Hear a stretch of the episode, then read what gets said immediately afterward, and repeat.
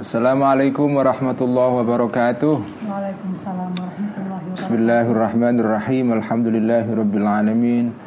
Wassalatu wassalamu ala asyrafil anbiya'i wal mursalin sayyidina wa habibina wa maulana wa qurrati ayunina Muhammadin wa ala alihi wa ashabihi wa man tabi'ahum bi ihsanin ila yaumiddin. Rabbi syrah li sadri wa yassir li amri wa hlul 'uqdatam min lisani yafqahu qawli. Rabbi zidna ilma warzuqna fahma. Amin ya rabbal alamin. Mari kita membaca Al-Fatihah untuk kita hadiahkan kepada Imam Ghazali. Ila ruhi wa syafi'ina Muhammadin alaihi wasallam. Wa ila arwahil anbiya'i wal wa ila ali wal ashabi asma'in wa ila arwahil wa syuhada'i was salihin. Wa ila arwahil salihin. Wal muallifin wal khususan muallifi الذي قرأناهما في هذه الليلة حجة الإسلام أبي حامد الغزالي. وتصلاه سره ونور ضريحه وعدل بركاته ونفعنا بعلومه. وإلى أرواح أموات المسلمين والمسلمات والمؤمنين والمؤمنات.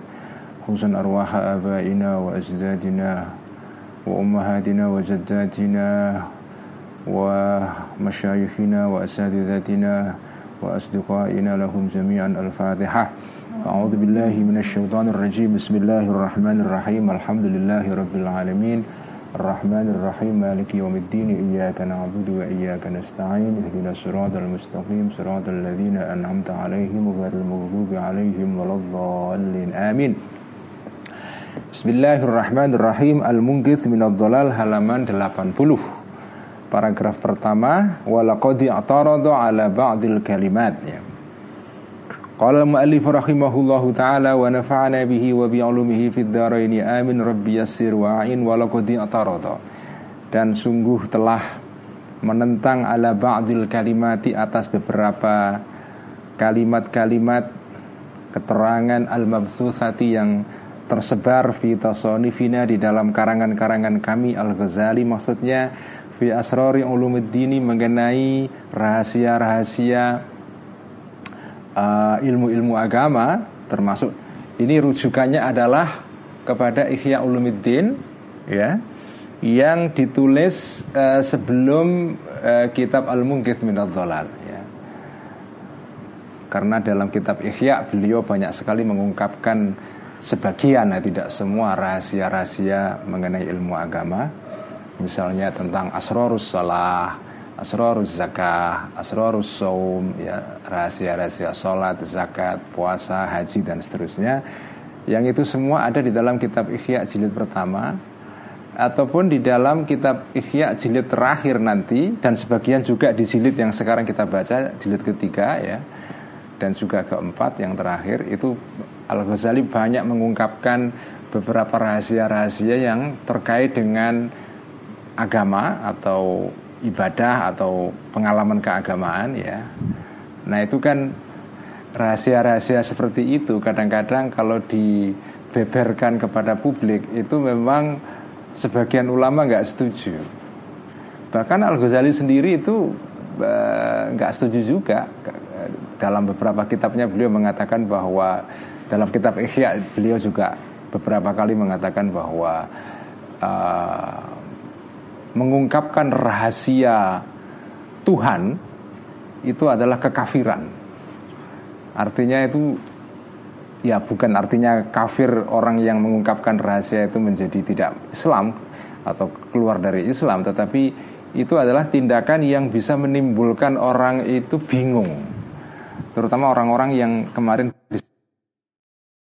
Paul Okul ya uh, orang yang akalnya lemah itu ketika membaca apa ya rahasia-rahasia keagamaan yang terkait dengan pengalaman sufistik atau pengalaman orang yang sedang mabuk tanda kutip Tuhan ya orang yang trans itu sehingga mengeluarkan kata-kata yang tidak bisa difahami dalam kerangka pakem agama yang yang konvensional itu memang membingungkan itu. Makanya dilarang itu.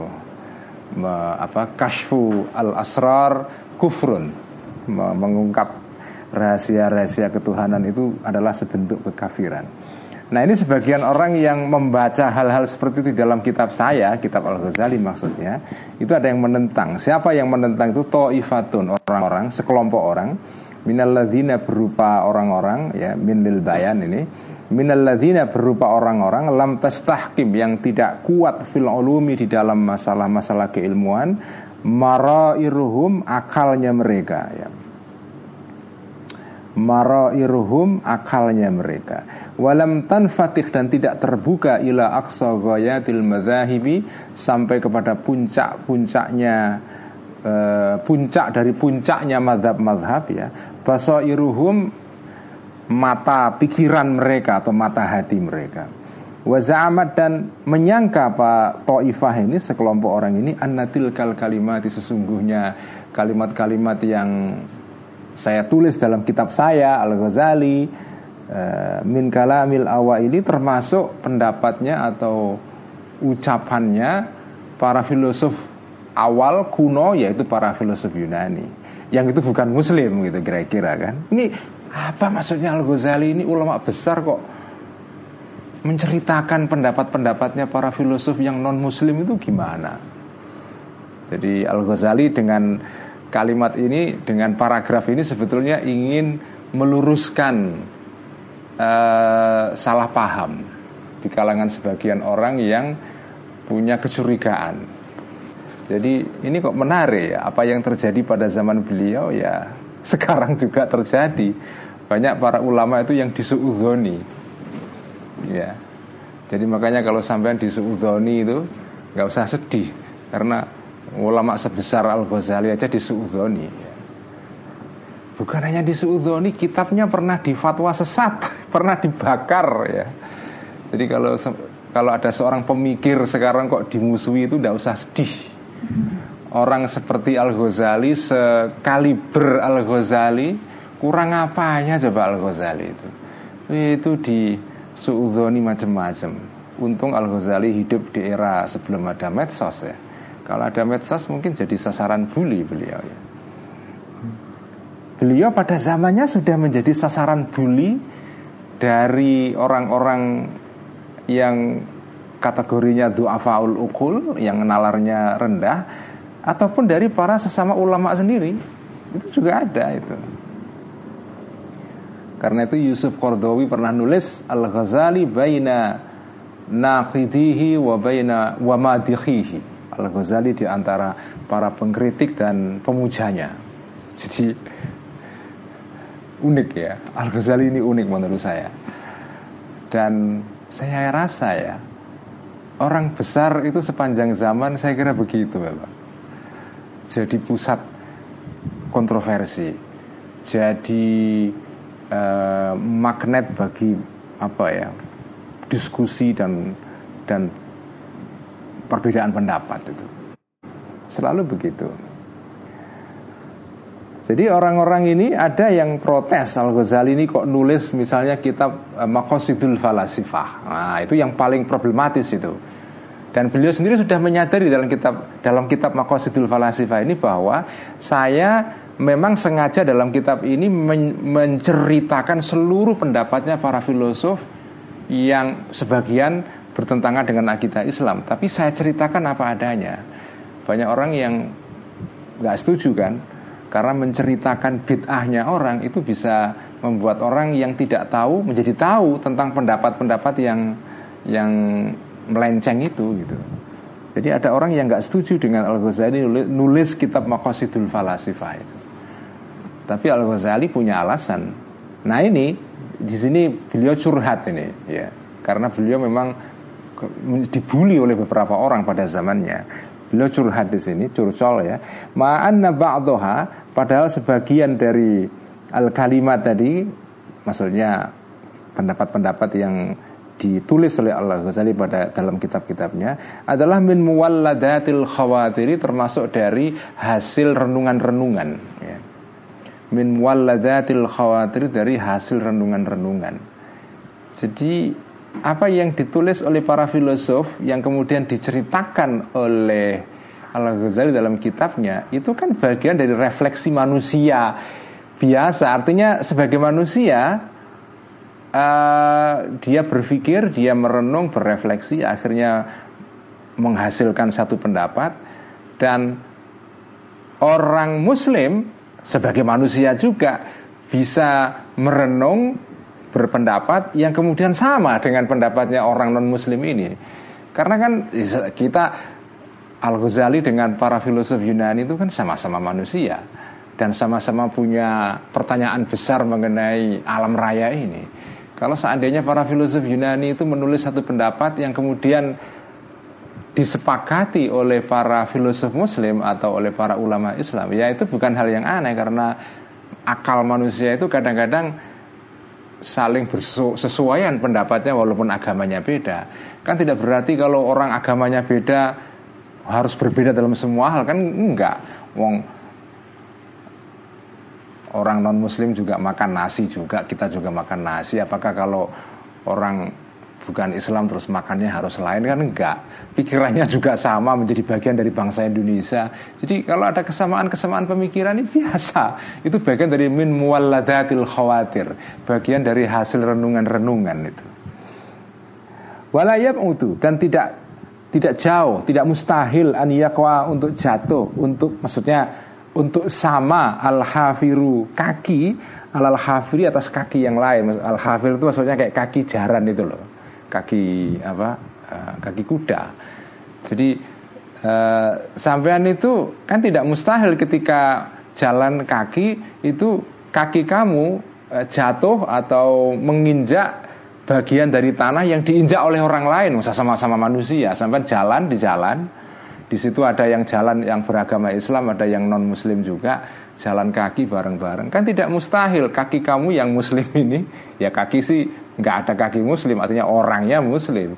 Kaki seorang muslim menginjak tanah yang diinjak oleh orang non muslim sebelumnya. Eh, biasa aja.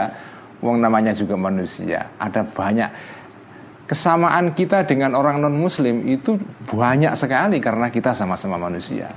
Kalau kita dengan binatang dengan kucing baru bedanya banyak tapi kalau sesama manusia walaupun beda agama, beda mata, beda ideologi, ya kesamaannya sama banyak ya. Wabak dua dan sebagian dari kalimat Maksudnya pendapat-pendapat yang berasal dari para filosof Yunani ini Yujadu dijumpai fil kutubi dalam kitab-kitab asyariyati yang bersifat keagamaan yang sumbernya wahyu. Wa aksaru dan sebagian besar dari kalimat tadi itu maujudun terdapat maknahu maknanya atau esensinya aksaruha fi kutubis sufiyati di dalam kitab-kitabnya para ahli sufi terutama pendapat-pendapatnya para filosof Yunani yang tadi kategorinya al-ilahiyun para filosof yang punya orientasi ketuhanan ya yang terkait dengan isu al-khuluqiyat dan uh, apa al al-khuluqiyat dan uh, asiasiat dan juga sebagian al-ilahiyat ya. Terutama al-khuluqiyat ya yang terkaitan dengan filsafat moral. Terutama yang berkaitan dengan analisa mengenai jiwa manusia, psikologi manusia. Itu kan pendapat-pendapat yang ditulis oleh para filosof Yunani itu ya ditulis juga di pendapat itu juga diikuti atau dianut oleh para sufi-sufi ya. Jadi kesamaan seperti ini tidak harus membuat kamu itu menjadi alergi kepada pendapatnya para filosof itu. Lagi-lagi saya katakan kritiknya Al Ghazali terhadap filsafat itu fair, tidak ngebiah uyah, tidak generalisasi, tidak seenaknya. Ya. Beliau milah-milah, pilah-pilah, ditafsil istilahnya ya, diiris-iris, kemudian dipisah-pisah. Ini yang bertentangan dengan akidah Islam ini yang enggak ini yang netral ini yang harus diwaspadai dan seterusnya jadi menurut saya etika berpikir seperti ini ya. The ethic of thinking begini ini penting sekali. Karena sekarang kita berhadapan dengan situasi di mana orang kalau sudah benci yaitu orang yang dalam kitab Al-Mungkith ini disebut sebagai du'afaul ukul ya. Orang yang tidak kritis, yang tidak al-akil, tidak menggunakan akalnya, itu kalau sudah benci, apa pun yang dikatakan oleh orang yang dibenci itu, dia nggak mau terima. Walaupun secara esensi yang dikatakan itu benar. Dan masih ingat ya kemarin Al Ghazali mengutip uh, ngendikan atau ucapannya Sayyidina Ali yang beliau sebut sebagai Sayyidul Uqala. Menarik sekali itu. Pemimpin orang-orang yang berpikir itu Sayyidina Ali ya. Jadi i'rifil uh, i'rifil haqqa uh, apa itu? Ta'rifir rijal. Jadi kamu harus mengetahui kebenaran baru setelah itu kamu mengerti siapa yang mengatakan kebenaran itu. Jangan i'rif jangan i'rifil haqqa birrijal ya. Uh, jangan mengetahui kebenaran dengan menggunakan orang sebagai standar ya. Jadi siapa pun yang mengatakan kalau itu benar ya kita ikuti, bukan kita melihat orangnya ya. Undur makol wala tandur mangkol itu istilah yang terkenal kan? Falau fatahna. Ah, Wahab dan Wahab itu uh, apa itu? Uh, salah satu fiil yang menjadi akhwatu zonna ya. Saudaranya atau amalnya atau status gramatiknya itu sama dengan zonna yaitu ketika zonna itu e, ditempelkan kepada kalimat yang tersusun dari mubtada khobar yang semula itu dibaca rafa semua menjadi nasab semua ya. Zonantu Zaidan iman Aku e, menyangka aku aku meyakini dalam pengertian yang agak yakin bahwa aku menyangka Zaid itu berdiri ya. Itu namanya zona. Nah zona itu ketika masuk ke dalam susunan mubtada khobar itu menjadikannya mengetahui khabar menjadi uh, nasab me, apa beralih status dari dibaca rafa dhamma menjadi nasab fathah semua. Nah, hab itu adalah salah satu uh, fiil ya kata kerja yang statusnya seperti zona. Tapi dia harus digunakan di dalam bentuk fiil amar. Ya, harus fiil amar, tidak boleh dalam bentuk yang lain. Ya. Wahab dan taruhlah wahab itu sebenarnya dan dan sangkalah ya. Tapi maksudnya di sini taruhlah ya. Ya kalau dalam bahasa Inggris itu suppose ya. Taruhlah. Taruhlah. Asumsikan itu wahab dan taruhlah anda sesungguhnya kalimat. Pendapat-pendapat yang saya tulis di dalam kitab-kitab saya yang saya kutip dari para filosof Yunani itu lam tujat tidak dijumpai illa fi kutubihim kecuali dalam kitab-kitabnya para filosof ini. Fa kana maka jika ada zalikal kalamu ucapannya para filosof tadi itu makulan bisa dinalar masuk akal fi nafsi dalam dirinya kalam ini muayyadan didukung bil burhani dengan dalil yang kokoh al burhan itu adalah dalil yang paling tinggi kualitasnya ya karena dalil itu di dalam istilah mantek logika itu bertingkat-tingkat. Ada dalil yang kuat ada dalil yang di bawahnya ada dalil yang di bawahnya lagi dan seterusnya. Jadi ada hierarki eh, dalil itu. Nah al burhan itu adalah dalil yang paling kokoh. Walam yakun dan tidak ada kalam tadi itu alam mukhalafatil kitabi melawan kitab Quran wa sunnati bertentangan dengan Quran wa sunnati dan hadis. Falima maka kenapa yang bagi seyogyanya Seyogya Seyogyanya ayuh jara untuk ditinggalkan Di apa ditinggalkan atau ditepiskan ya kalam tadi wahyu teroka dan ditinggalkan kalam tadi jadi kalaupun misalnya taruhlah wahab ya taruhlah apa yang saya tulis di dalam kitab saya yang itu menukil dari pendapat para filosof-filosof Yunani yang non muslim itu yang sebagian pendapatnya itu dianggap oleh Al-Ghazali kafir karena bertentangan dengan akidah Islam. Taruhlah betul bahwa apa yang saya kutip dari orang Yunani itu itu adalah murni pendapat yang hanya ada di mereka saja. Tidak ada kesamaan dengan Quran dengan hadis dengan pendapat dengan pandangan para kaum sufi ajaran-ajaran kaum mutasawifun para sufi-sufi. Taruhlah itu memang murni pendapat mereka yang tidak ada kesamaan dengan sesuatu yang dalam Islam misalnya. Murni mereka. Tetapi pendapat itu dalam dirinya itu benar mengandung kebenaran dan ada bukti-bukti yang kuat yang menyokong kebenaran apa yang dikatakan oleh para filosof Yunani itu. Apa harus ditolak? Kalau orang non muslim berpendapat dan itu benar masa harus kita tolak hanya karena itu keluar dari orang-orang non muslim misalnya? Kalau begitu betapa repotnya hidup ini. Nah keren kan Al Ghazali kan? Kalau begitu betapa repotnya. Kita nggak boleh nyekolahin anak kita ke perguruan tinggi dong karena misalnya anak kita sekolah fisika atau kimia eh, itu kan ilmu-ilmu yang textbooknya sekarang sebagian besar ditulis oleh orang-orang kafir. Terus gimana? Jadi nggak boleh anak-anak kita sekolah kedokteran, sekolah fisika, sekolah kimia atau antropologi kayak anak saya itu atau sastra Inggris, nggak boleh dong. Jadi ini Al Ghazali ini apa ya menyerang balik tanda kutip ya menyerang balik orang-orang yang membuli dia ini.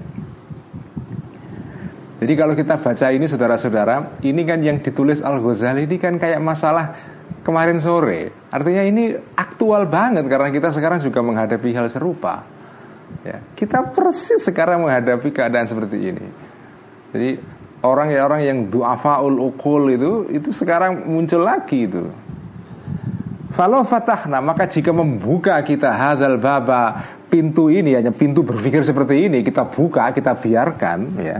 Watatorokna dan uh, menempuh kita ilaan yuhjara untuk uh, meninggalkan me, apa itu uh, apa itu me, me, me, menjauhi ya. Kullu hakin semua kebenaran sabako yang telah mendahului ilaihi kepada kebenaran itu. Khotiru mubtilin pikiran atau refleksinya orang yang memang salah. Maksudnya salah dalam bidang yang lain. Kalau cara berpikir ini kita buka kita biarkan dan kita harus meninggalkan semua pendapat yang kebetulan itu dikeluarkan dikemukakan oleh orang yang secara ideologi berbeda dengan kita atau secara agama. Dia batal dalam pengertian agamanya atau keyakinannya kita anggap salah. Harus kita buang semua pendapat-pendapat dia. Lalazimna maka tentu harus kita ya anah jura untuk menjauhi kathiron buahnya minal haki dari kebenaran. Betapa banyak hal yang harus kita tinggalkan. Walalazimna dan harus kita anah jura untuk meninggalkan kita jumlatan sebagian min ayatil Quran dari ayat Quran.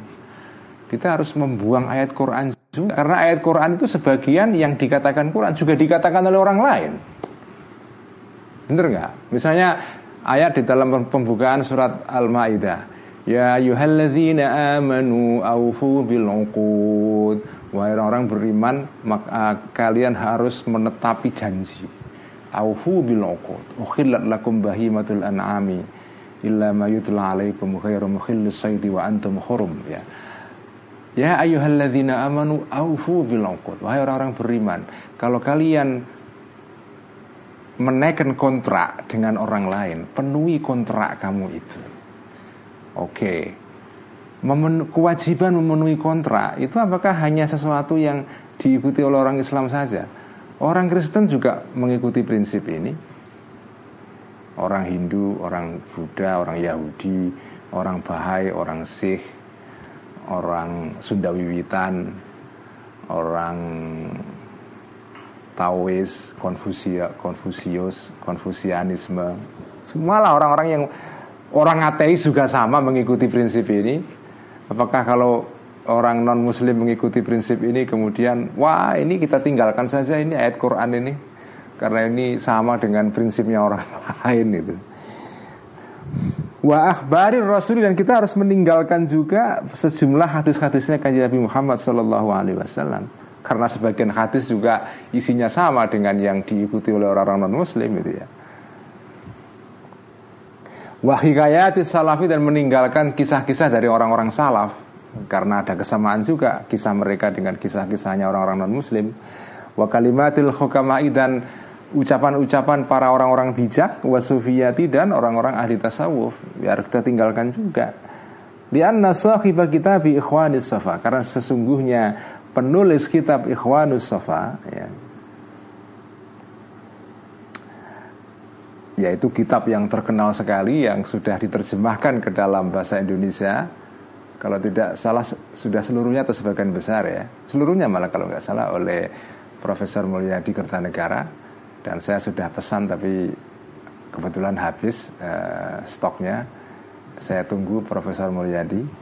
Uh, nah ini penulis kitab Ikhwanus Sofa ya.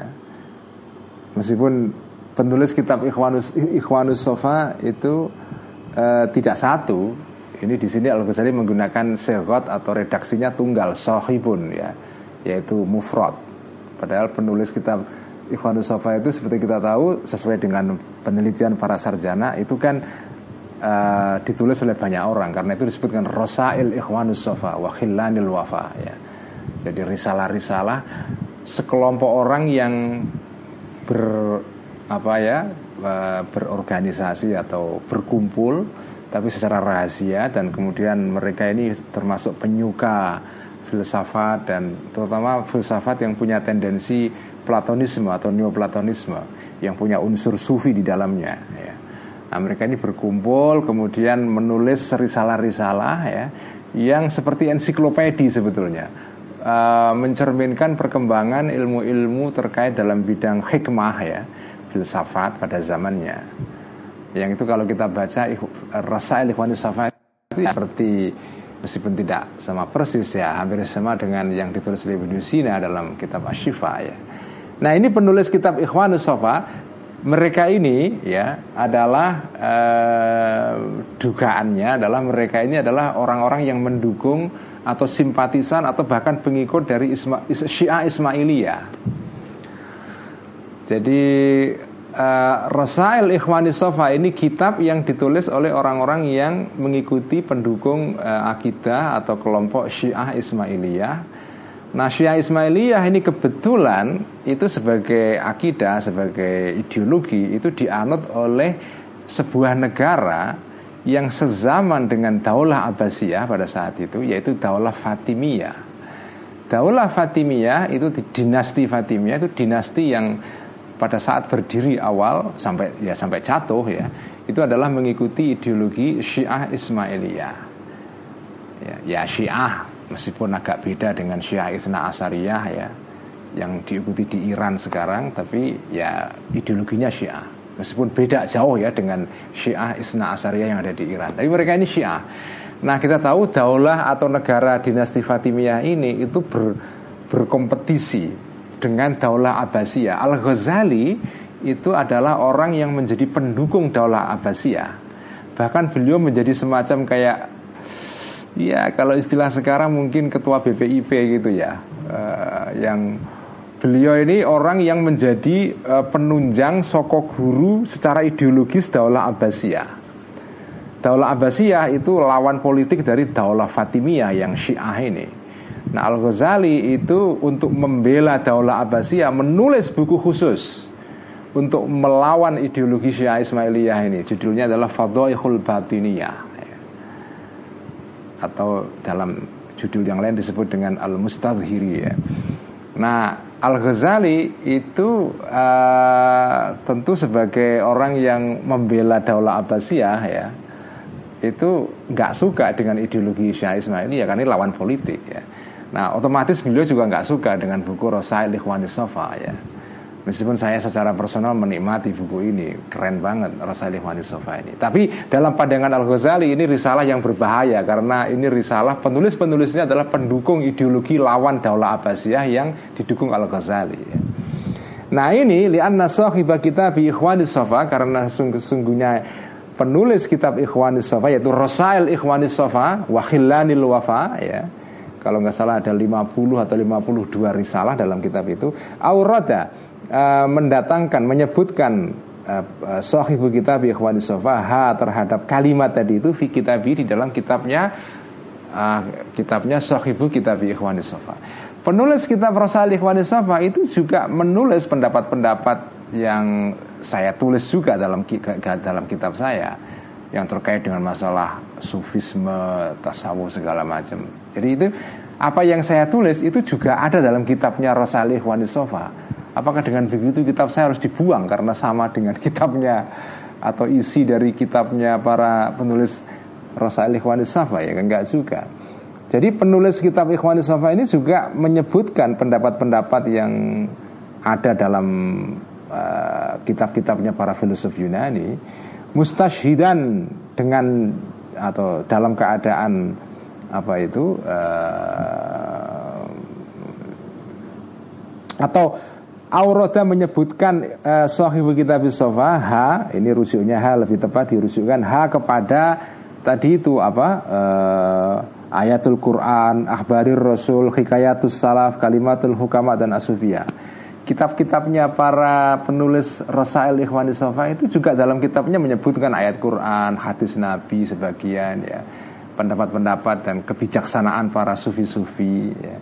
Mustashidan dengan atau dalam keadaan me, mengambil dalil, menjadikan dalil biha terhadap atau dengan tadi itu ya semua tadi itu ayat Quran, hadis dan segala macam wa mustadrijan dan menarik kulubal hamko hatinya orang-orang yang bodoh biwasitotiha dengan cara mengambil dalil dari Quran, hadis dan segala macam tadi itu ila batili kepada kebatilannya sahibi kita bi sofa. Jadi kalau saya di sini sambil kritik ini apa ya.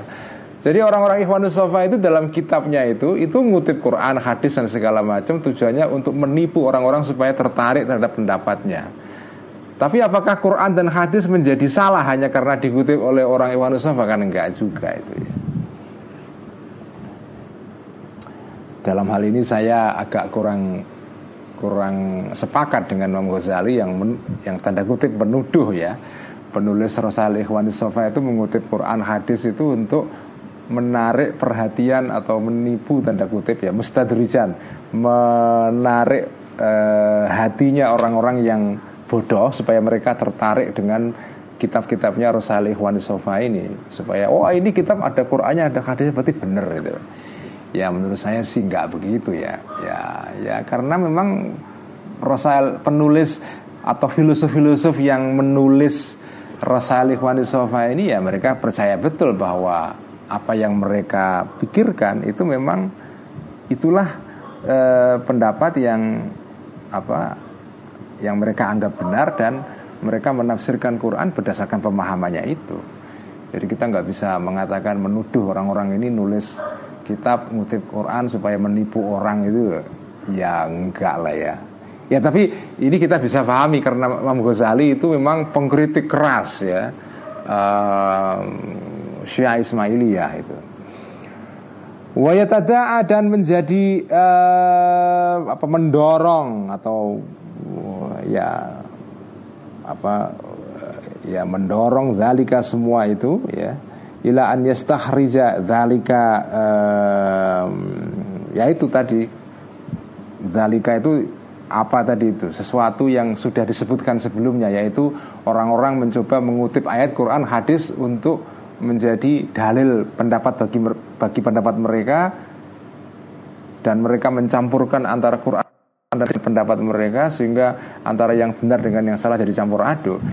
Nah, kalau itu kita anggap bahwa seperti itu terus kemudian Quran, hadis dan pendapat para sufi-sufi harus ditolak hanya karena itu dikutip oleh para orang-orang yang akidahnya salah, itu nanti ya hasilnya kalau kita berpendapat begitu ilaan yastakhrija untuk uh, mendorong ilaan yastakhrija untuk merebut al mubtiluna orang-orang yang salah, orang-orang yang batil akidahnya al haqqa kebenaran min aidina dari tangan kita biidaihim dengan cara menaruhnya mereka memuatnya mereka iyahu terhadap kebenaran tadi itu al haq fi kutubihim di dalam kitab-kitabnya mereka. Kitab-kitabnya para al mubtilun ya. Ya kalau kita prinsipnya seperti tadi itu pendapat yang benar kalau dikatakan oleh orang yang kita tidak setuju dengan dia karena akidahnya kita anggap salah maka betapa banyak kebenaran nanti harus hilang dari tangan kita direbut oleh orang lain. Jadi ini kritiknya Al-Ghazali fair sekali ya. Jadi menurut saya ini prinsip yang harus kita pegang sekarang. Jadi kebenaran walaupun dikatakan oleh orang yang berlawanan dengan kita dari segi keyakinan kalau dia benar kita harus ambil itu. Jangan mentang-mentang hanya karena kebenaran dikatakan oleh orang yang salah atau oleh orang yang jahat, kemudian kita nggak mau menerima itu. Wa aqallu darajatil alimi dan minimalnya derajatnya orang yang pintar al alim. Orang yang alim itu minimal seperti inilah sikapnya itu an yatamayyaza untuk berbeda orang alim ini anil ami dari orang awam al humri yang yang bodoh yang lugu al humri itu ya, yang lugu. Fala ya'afu uh, maka tidak apa itu tidak mau menyentuh tidak mau merasakan al-ami ini al-asalam madu wa in wajada walaupun menjumpai itu uh, uh, seorang amihu kepada madu tadi itu fimih jamatil hajjami ya uh, di dalam tempat bekamnya orang yang ahli bekam Wayatahaqqaqu dan uh, dan apa memverifikasi ya Sorry, fala ya'afu itu bukan berarti tidak Fala ya'afu maka tidak menghindari seorang alim ya Rujuknya domir fi'il ya'afu kembali kepada alim Fala ya'afu maka tidak menjauhi seorang alim ini al asala madu. Orang kalau yang pinter itu harus beda dengan orang yang bodoh yang lugu. Dia tidak menjauhi madu, tidak menghindari madu walaupun wa in wajada walaupun menjumpai al alim tadi hu kepada asal fimih jamatil hajami di dalam tempat cantuknya atau cantuk itu bekam ya. Bahasa pesantren itu bekam itu cantuk ya. Fimih jamatil hajami di dalam tempat bekamnya ahli bekam Walaupun misalnya orang ahli bekam punya apa baskom atau apa yang biasa untuk naruh darahnya orang yang sedang dibekam itu, tapi sudah dibersihkan baskomnya ini. Terus kemudian setelah itu dia menaruh madu di situ. Nah orang yang pintar dia tidak akan terus jijik kepada apa e, madu itu hanya karena ini sama dengan darah ya kan enggak ya, madu ya walaupun ditaruh di tempat yang semula tempatnya darah ya tetap dia madu tidak terganggu itu Wayatahaqqaqu dan mencoba memverifikasi, mendalami, memverifikasi seorang alim tadi itu anal mihjamata sesungguhnya tempat pekam ya La tughayyiru tidak mengubah al mihjamah ini zatal asali esensinya madu. Ya meskipun secara adat kebiasaan kita mungkin jijik ya. Kalau ada barang yang sebetulnya enak dan bersih dan halal tapi kalau ditaruh tem, ditaruh di tempat yang itu identik dengan kekotoran itu kan eh, kita kan mungkin agak jijik itu ya. Ya itu maklum saja. Tapi kita tidak meyakini bahwa madu ini berubah esensinya hanya karena ditaruh di tempat yang e, biasa dipakai oleh ahli bekam untuk menaruh darah di situ. Itulah kalau orang alim, jadi dia bisa membedakan antara barang dengan tempatnya barang itu. Barang kalau bagus ya bagus, walaupun dipegang oleh orang yang jahat ya tetap bagus. Emas walaupun dipegang oleh orang jahat tetap emas tidak kemudian emas menjadi kotor karena di tangannya seorang penjahat, bukan begitu ya. Fa inna nafratat tabi karena sesungguhnya jijiknya tabiat atau menjauhinya tabiat maksudnya tabiat manusia anhu dari madu tadi itu yang ditaruh di tempat ahli bekam tadi mabniyatun didasarkan ala jahlin terhadap kebodohan aminin yang awam. Kan keawaman saja. Mansyauhu yang asal usulnya kebodohan seperti ini annal mihjamata sesungguhnya tempat pegam inna masigot sesungguhnya dibuat ya. Al mihjamah ini lidami untuk tempat darah. Al mustaqdari yang dianggap kotor. Fayazunnu maka mengira orang ami ini al, al, al ami al humar tadi itu anadama sesungguhnya darah. Mustakdarun itu dianggap kotor likaunihi karena adanya darah itu tadi filmik jamati ada di dalam tempat bekam. Jadi orang yang awam itu dia mungkin punya asumsi bahwa darah itu kotor karena dia berada di tempat yang dipakai oleh ahli bekam. Padahal darah itu kotor ya karena sesuatu dalam darah itu sendiri, bukan karena tempatnya. Walayadri dan tidak tahu orang yang ami tadi itu anna sesungguhnya darah mustakzarun itu dianggap kotor li sifatin karena ada sifat karakter fidati di dalam dirinya darah tadi itu.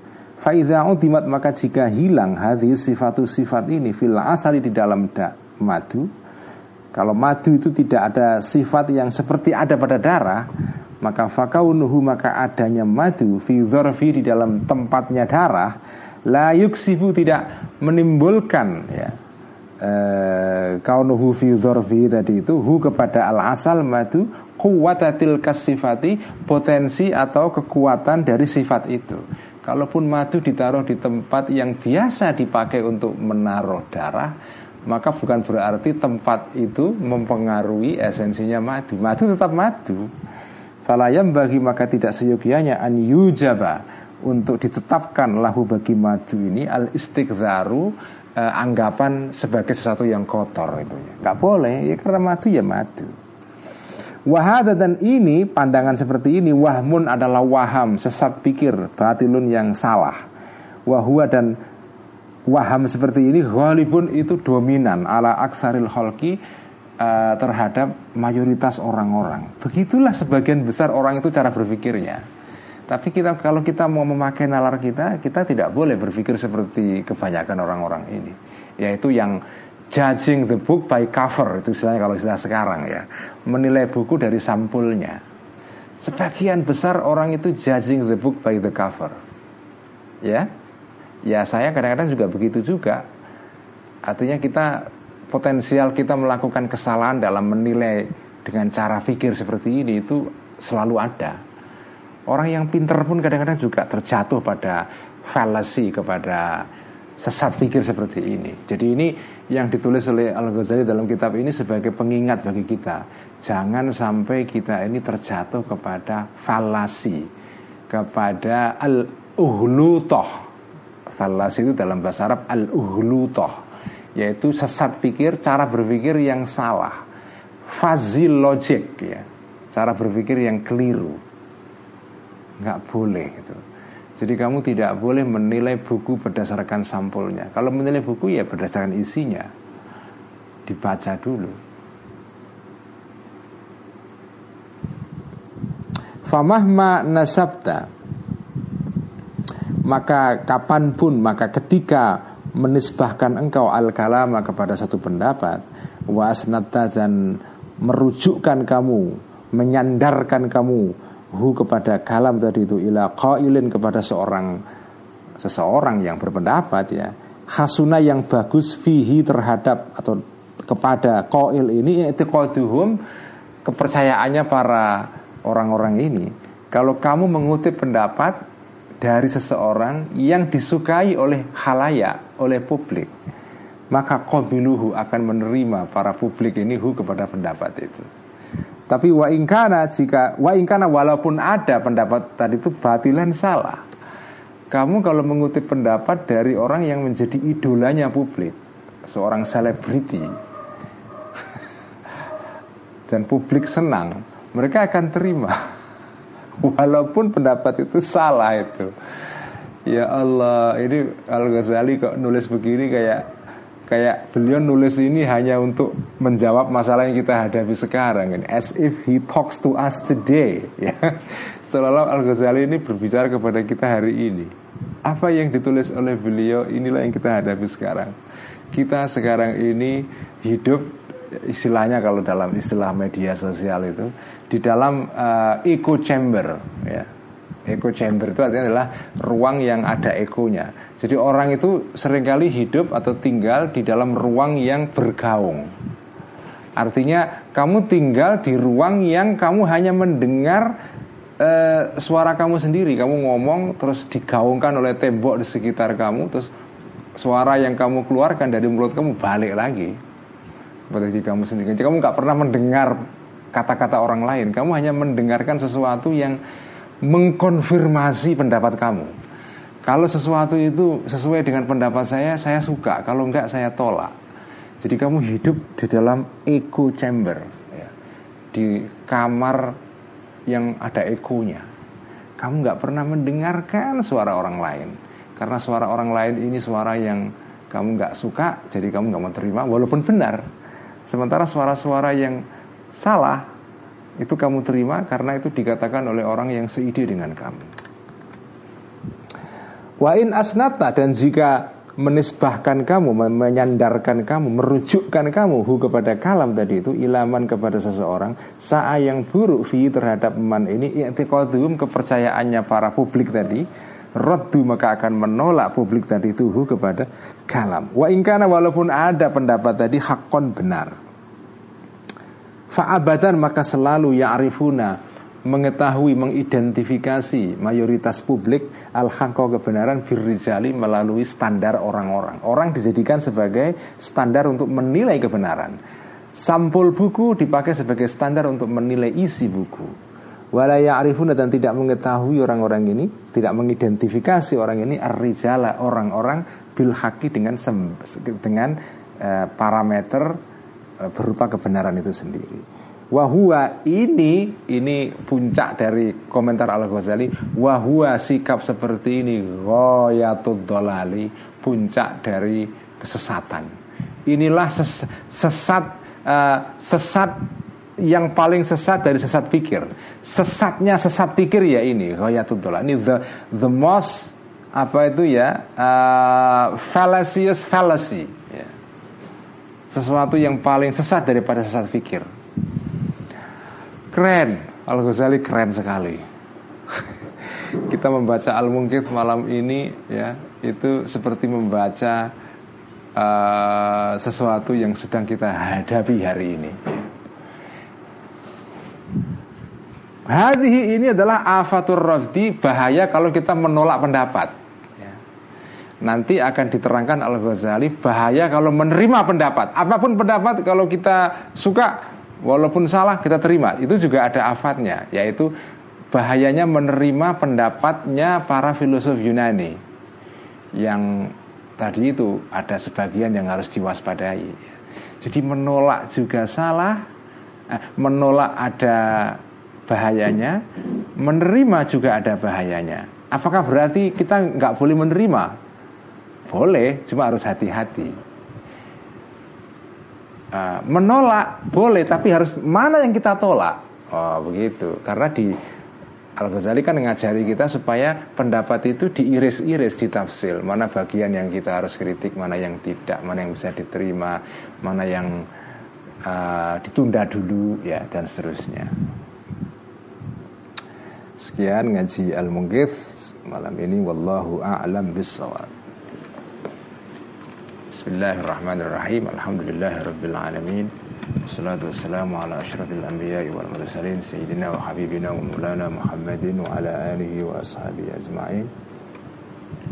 Al-muallif rahimahullahu ta'ala wa nafa'ana bihi wa bi ulumihi fid dharain amin. Rabbi yassir wa a'in.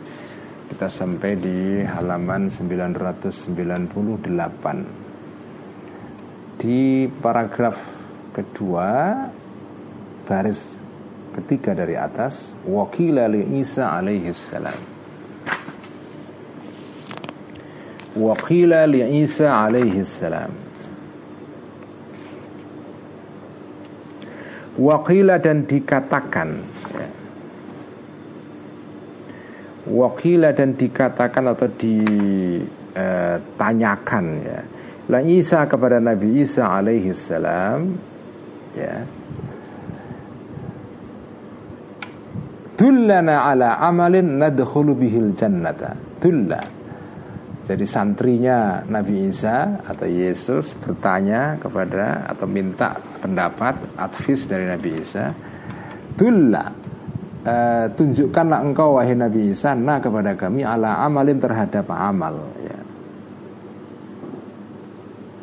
Ala amalin terhadap uh, amal nadkhulu yang bisa masuk kami bihi melalui amal itu al jannata kepada surga. Qala berkata Nabi Isa, la tantiku abadan.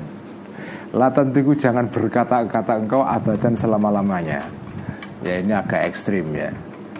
Ya, kita memahami hal-hal seperti ini harus secara profesional. Artinya apa itu hal yang yang membuat kita masuk surga wahai Nabi Isa?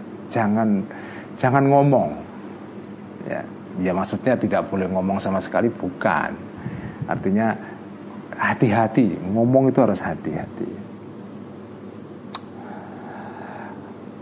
Kalau berkata para muridnya ini, la nastati'u dzalika, tidak kuasa kami dzalika eh, tadi itu. Gimana mungkin manusia tidak bisa nggak boleh ngomong itu?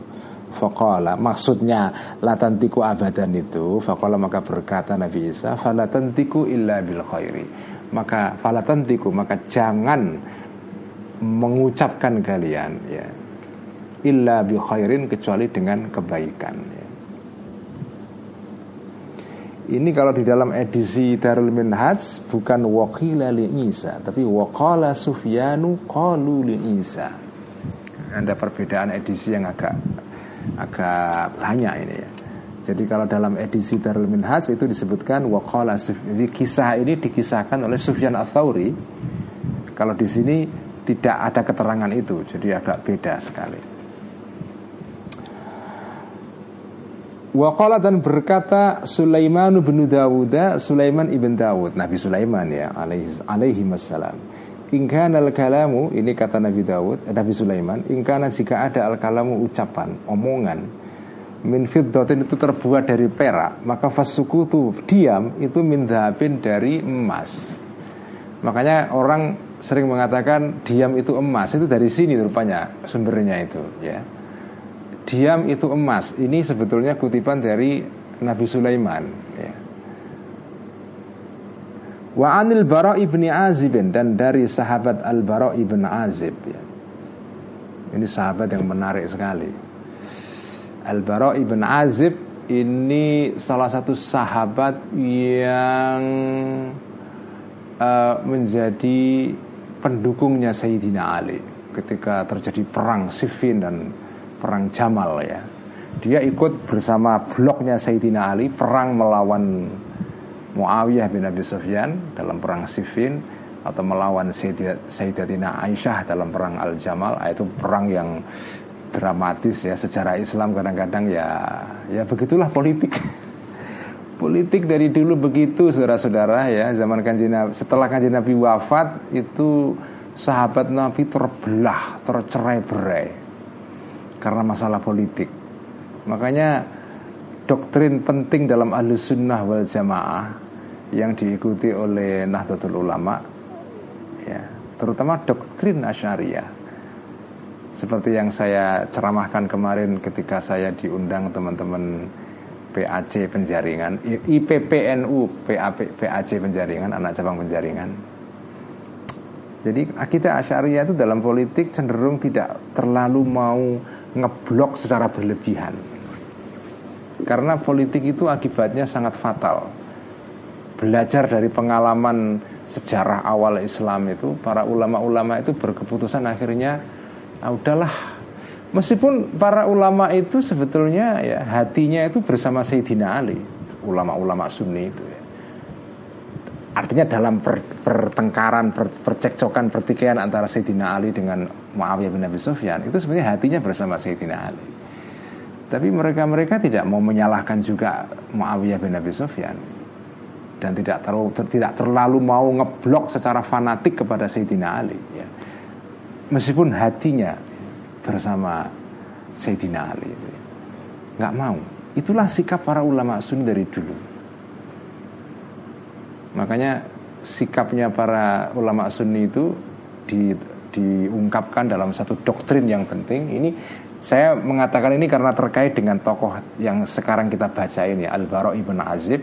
Ini sahabat yang ngeblok bersama Sayyidina Ali, perang bersama Sayyidina Ali melawan Siti Aisyah, istrinya kanjeng Nabi, perang melawan Sayyidina Muawiyah bin Abi Sufyan, sahabatnya kanjeng Nabi dan perang melawan orang-orang Khawarij dalam perang yang terkenal sekali, perang di Nahrawan, Ghazwatun Nahrawan yang terkenal sekali. Al-Bara bin Azib ini pendukung fanatik Sayyidina Ali ya. tapi di dalam prinsip Sunni kita kalau dalam masalah politik itu kita tidak usah terlalu ngeblok secara fanatik karena akibatnya itu buruk, akibatnya mengganggu kehidupan, akibatnya polarisasi. Karena itu para ulama Sunni dalam politik itu me membuat satu kaidah yang bagi saya itu masih relevan sampai sekarang yaitu ashabi udul atau as-sahabatu udulun. Semua sahabat kanjeng Nabi itu baik. Maksudnya adil itu baik.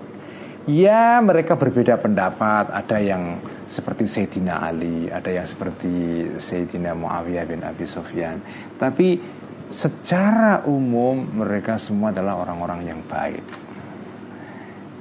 Artinya beginilah kalau dalam konteks sekarang ini ya orang sedang polarisasi politik ini.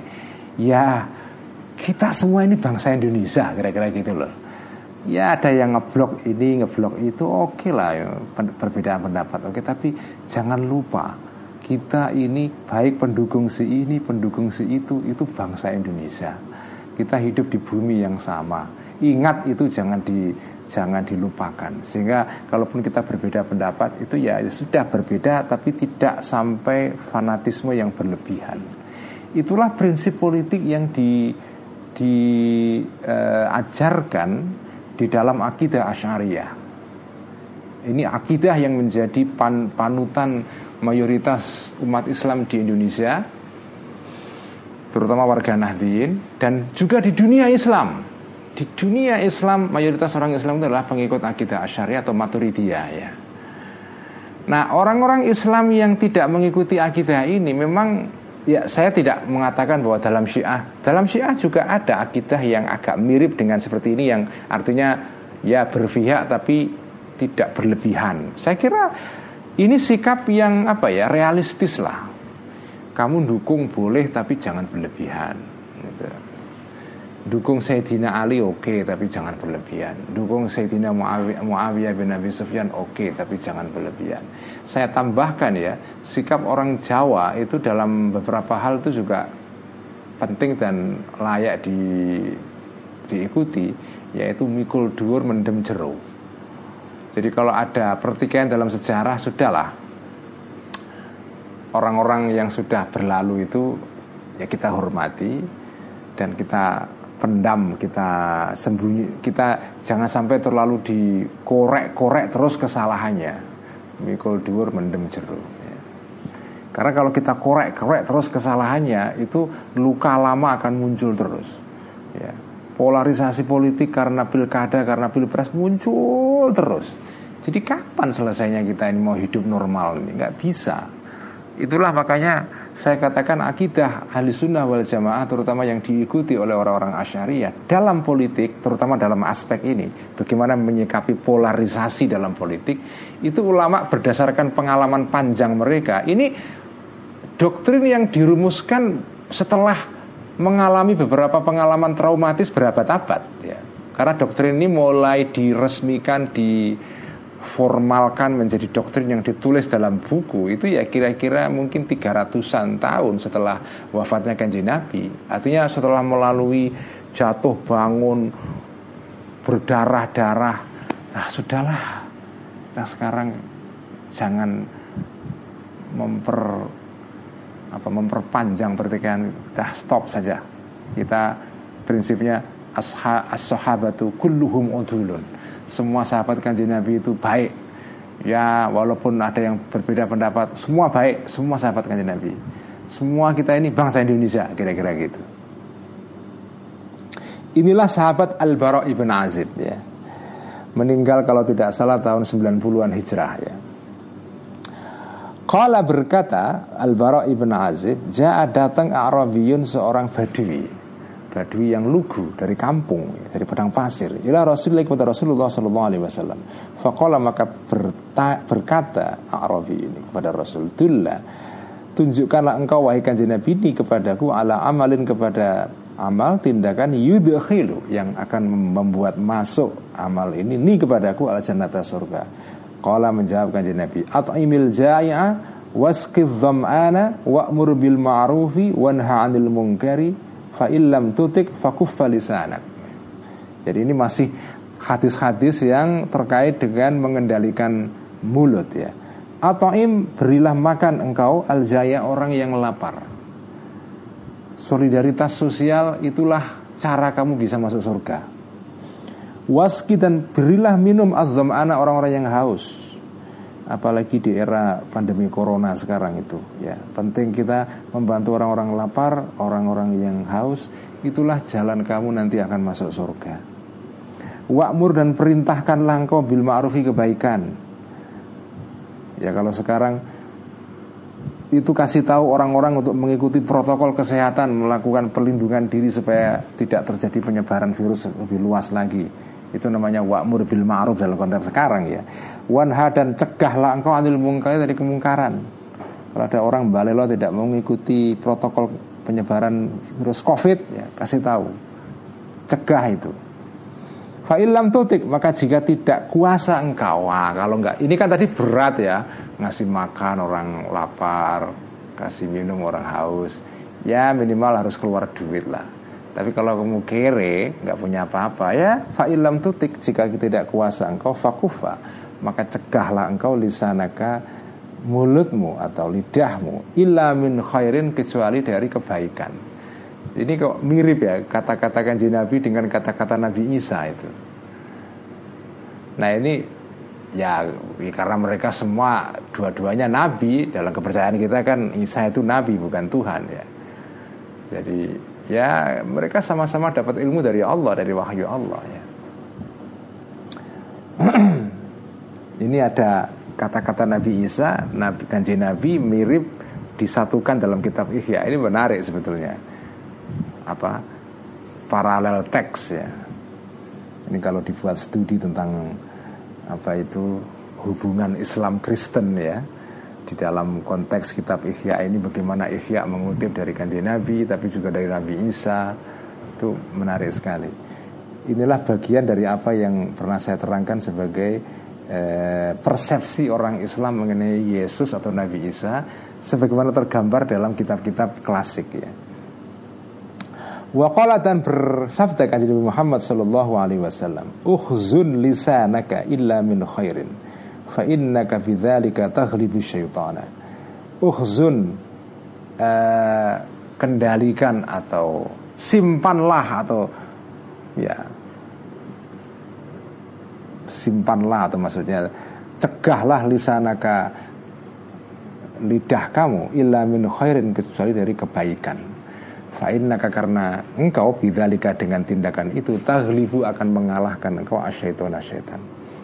Wa qala dan bersabda juga kanjeng Nabi Muhammad sallallahu alaihi wasallam, "Innallaha inda lisani kulli qailin." Innallaha sesungguhnya Gusti Allah itu inda lisani kulli qailin ada di dalam setiap uh, mulutnya atau lidahnya orang-orang yang berkata. Jadi Allah itu seperti ya mungkin ngawas, ngawasi atau indah di sini bisa dimaknai Allah itu kayak nungguin ngawasi atau berada di mulutnya orang yang berkata itu.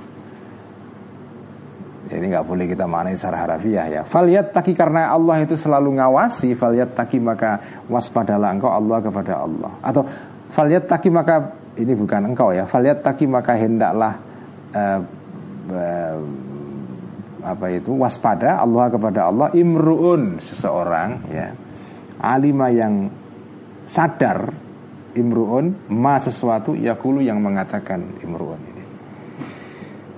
jadi dalam setiap kata-kata itu Allah mengawasi kita itu ini kesadaran rohani ya nggak nggak gampang sebetulnya kalau ngomong sih mudah ya kayak nulis status tentang kebijaksanaan itu kan mudah sekali. Tapi belum tentu sampai bisa melaksanakan itu. Saya juga sering begitu. Kalau nulis sesuatu yang bijak itu mudah. Melaksanakan itu, aduh berat ya. Waqala dan bersabda juga kanjeng Muhammad alaihi salam idza raaitumul mu'mina sumutan waquran fadnu minhu fadnu minhu fa innahu yulaqqanul hikmata idza ra'aitum jika melihat engkau al mu'mina seorang yang beriman sumutan sebagai orang yang diam wakuron yang tenang fadnu maka mendekatlah kalian minhu dari orang seperti ini. Orang mukmin seperti itu. Fa karena sesungguhnya mukmin yang seperti itu yang diam dan tenang yulaqqanu diberikan ditalkinkan maksud didiktekan al hikmata kebijaksanaan dari Allah Subhanahu wa taala Wa qala dan berkata Ibnu Mas'udin sahabat Ibnu Mas'ud qala berkata Rasulullah Rasulullah sallallahu alaihi wasallam annasu thalathatun. Manusia itu salah satu ada tiga golongan ya. Ghanimun wasalimun wasyahibun Kalau di dalam edisi Darul Minhaj wasyajibun Nah ini ada perbedaan ini. Tapi di dalam dalam hal ini saya lebih mengikuti edisi yang Darul Hazm. Karena di dalam ikhya yang di dalam syarah ihya yaitu uh, apa ithafus sad al muttaqin itu juga edisi yang di sana adalah juga syahibun bukan syajibun dengan jim ya. Uh, ya inilah perbedaan edisi. Kadang-kadang edisi Darul Haj oke okay, kadang-kadang Darul Hazm oke okay, ya. Dalam hal ini saya lebih memilih yang versi dari Darul, Darul Hazm. An-nasu manusia salah satu itu ada tiga golongan. Ghanimun ada orang yang beruntung. Wasalimun dan orang yang selamat. Wasyahibun dan orang yang rugi, rusak maksudnya. Ayhalikun ya. Dalam kitab Syarah Ikhya Ithafus Mutakin itu dimaknai sebagai halikun Orang yang rusak. Nah siapa orang yang beruntung itu? Fal ghanimu orang yang beruntung Alladhi orang yadhkuru yang mengingat selalu orang ini Allah Allah kepada Allah Ta'ala. Itulah yang beruntung Wasalim orang yang selamat asak itu adalah orang yang diam. Wasyahibu dan orang yang rusak Orang yang rugi Yang yang celaka. Allah adalah orang Yahudu yang masuk terlalu jauh Membahas sampai detail sekali Fil batil di dalam kebatilan. Itulah orang yang rusak itu. Waqala dan bersabda juga kanjeng Nabi alaihi salam ya jadi kadang-kadang kajian Nabi itu Sallallahu alaihi wasallam Kadang-kadang alaihi salam. Bisa dipakai dua-duanya. Inna lisanal mu'mini Sesungguhnya mulutnya seorang beriman. Nah ini penting ini hadis ini ya. Ciri orang beriman adalah Waro akalbi mulutnya itu ada di belakang pikiran atau hatinya orang orang mukmin. Faida arada kolbi di sini bisa juga dimaknai pikiran karena kata kolbun itu rumit ya karena dalam bahasa Arab kolbun itu bisa hati. Bisa hati dalam pengertian organ yaitu jantung. Yang dalam bahasa Inggris bisa dikatakan dengan heart itu jantung itu kolbun. Uh, tapi bisa juga kolbun artinya adalah pikiran atau mind. Tapi bisa juga dalam pengertian kolbun itu kesadaran spiritual itu ya kolbun itu yang seperti didiskusikan Al Ghazali dalam dalam pembukaan kitab jilid tiga ini yang kita baca. Saya baca pertama kali tiga atau empat tahun yang lalu kita bu ajaibul qalb itu ya. Jadi orang yang beriman itu mulutnya berada di balik pikiran atau hatinya. Faida arada maka jika menghendaki seorang mukmin an yatakalam untuk ngomong orang muslim tadi mukmin bisain tentang sesuatu tadabbaro maka akan memikirkan mukmin ini hu kepada syai'un bikolbi dengan pikiran dan hatinya. Setelah dipikir-pikir-pikir ditimbang-timbang oke okay, thumma amdo. Kemudian uh, melaksanakanlah atau me, apa itu mengeksekusi mukmin ini hu kepada syai'un tadi itu bilisani dengan lesannya mukmin. Atau ya dengan jari jemarinya kalau sekarang ngeklik apa tweet nah, atau posting ke Facebook. Nah, kalau sudah ditimbang-timbang macam-macam, oke okay, post. Kalau enggak delete apa kayak gitu. Wa inna al munafik dan sesungguhnya lisannya orang munafik tadi yang mukmin ya, orang yang munafik ya itu lisannya adalah amama kolbi di depan pikirannya. Jadi yang yang duluan bekerja itu mulutnya bukan pikirannya. Faidah hamma maka jika menghendaki atau apa itu berniat al munafik ini bisain tentang sesuatu amdo maka mengeksekusilah munafik ini hu kepada syai'un bilisani dengan mulutnya.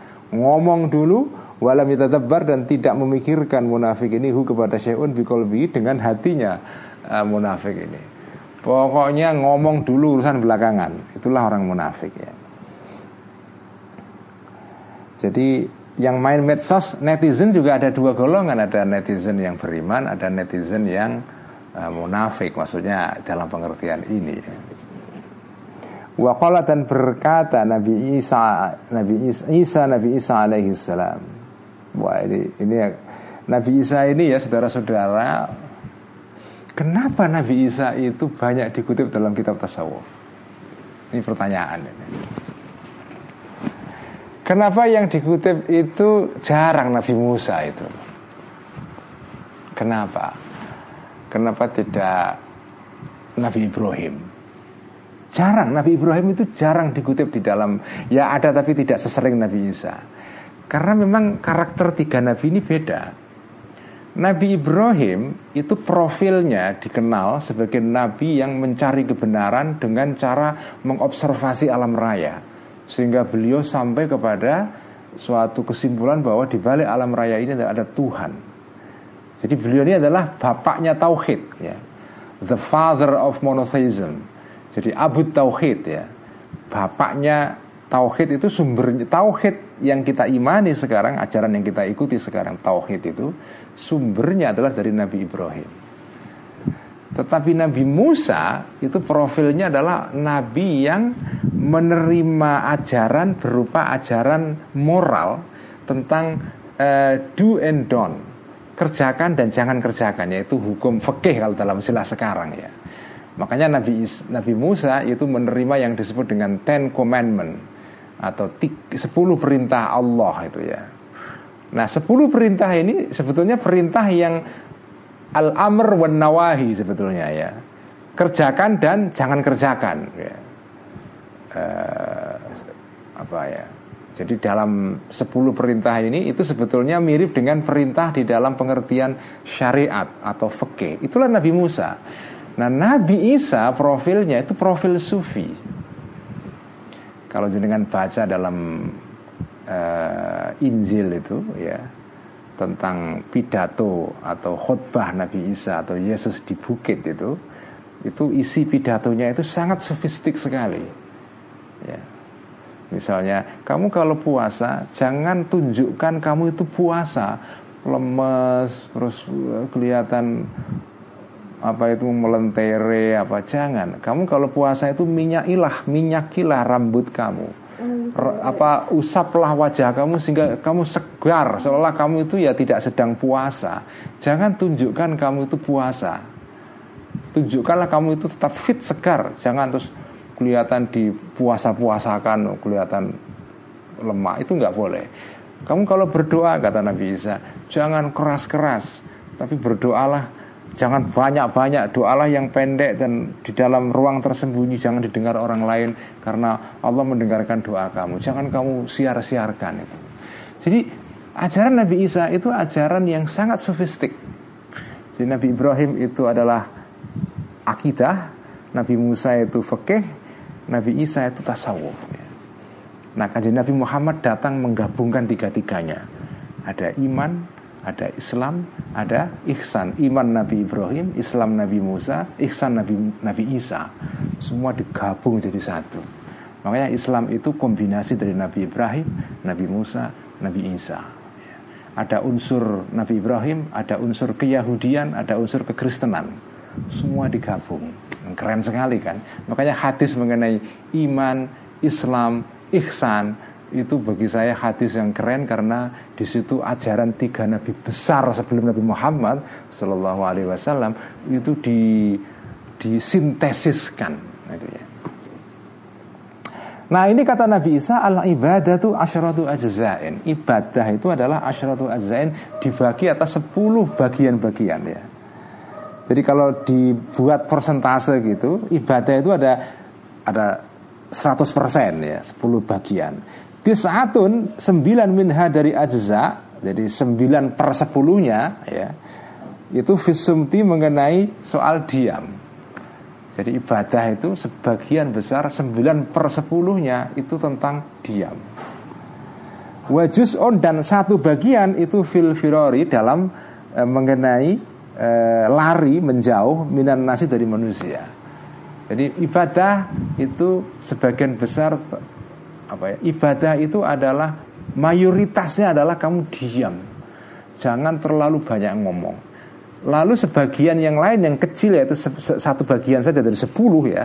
Jadi yang sembilan per sepuluh itu diam, yang satu per sepuluh, seper sepuluhnya itu adalah mengenai kita menjauhi dari orang. Al-firaru minan nas ya.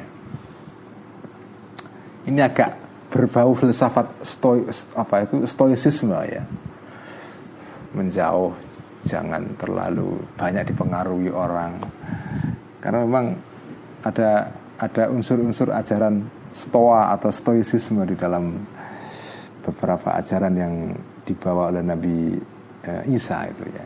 Dan itu kemudian ya mengikuti tadi itu kata Al Ghazali ya walaupun ajaran stoicisme itu salah satu filsafat dalam filsafat Yunani ya, filsafat akhlak ya stoicisme itu. Ya walaupun itu ajaran Yunani tapi kalau oke okay, kenapa kita nggak ambil?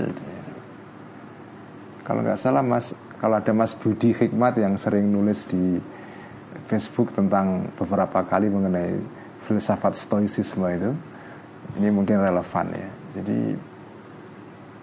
ada banyak unsur-unsur stoicisme dalam dalam tasawuf Islam itu ya. Ini contohnya.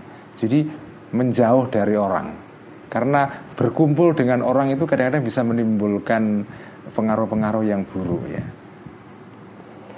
Wakala dan Ya, tapi ini semua ya nah, lagi-lagi ini harus difahami dengan tepat. Bukan berarti kita itu harus tidak sosialisasi, tidak silaturahmi kayak Pak Dimung, Pariono atau uh, tidak boleh ikut seminar, ikut diskusi. Ya enggak, maksudnya kamu harus hati-hati ketika kumpul dari manu, kepada dengan manusia itu. Atau bisa juga kamu kumpul tapi kamu tidak terpengaruh. Wah, bisa juga kan? Jadi menerjemahkan ajaran Nabi Isa ini bisa juga dengan secara tidak secara harafiah. Kamu kumpul dengan orang banyak, tapi kamu bisa uh, memproteksi diri kamu dari pengaruh-pengaruh buruk yang datang dari peer group, dari orang-orang sepantaran kamu yang menjadi kelompok kamu itu. Karena sebagian ini sama dengan penelitian-penelitian tentang terorisme terakhir ya. Kenapa orang itu menjadi teroris? Itu sebagian besar orang-orang yang menjadi teroris bukan karena mereka percaya kepada ideologi jihadisme itu, tapi karena mereka diajak teman-temannya yang sudah masuk ke situ.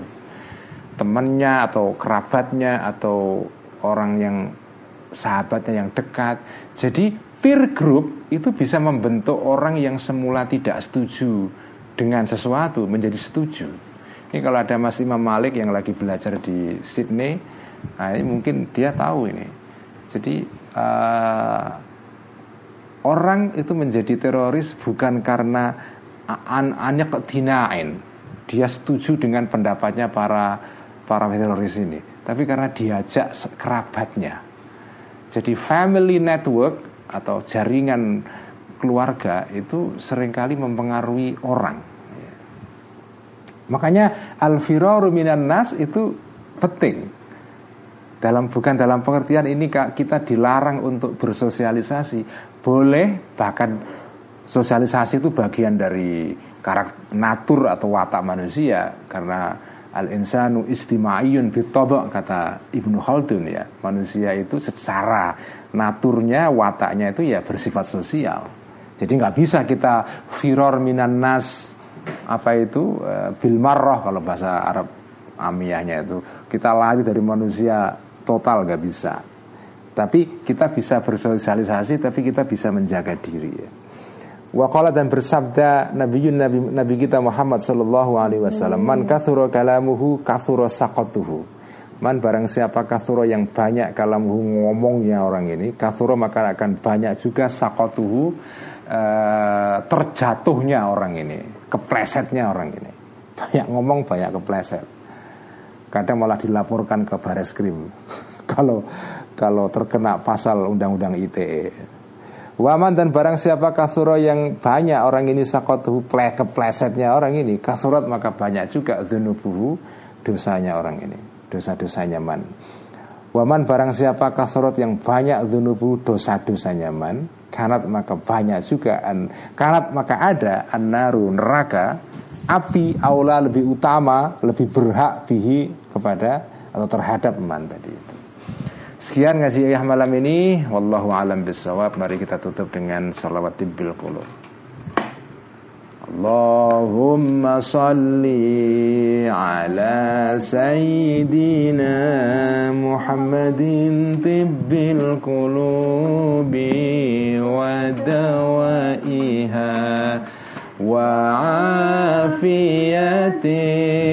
abdani wa shifaiha ونور الأبصار وضيائها وعلى آله وصحبه وسلم.